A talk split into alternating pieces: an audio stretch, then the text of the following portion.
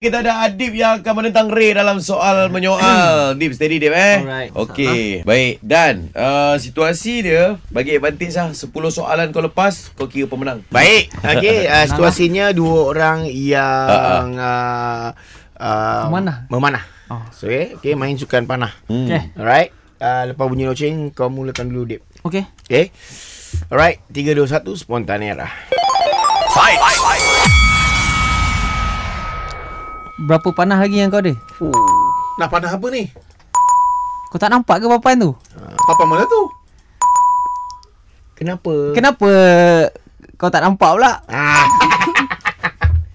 Bukankah kau yang bawa aku? Bila masa? Masa mana? Oi, pendek je soalan dia. ah, eh, pendek je soalan dia. Ah. Kenapa kau tanya aku macam tu? ya, aku rasa kita Kau rasa apa? Hmm. tak rasa apa lah.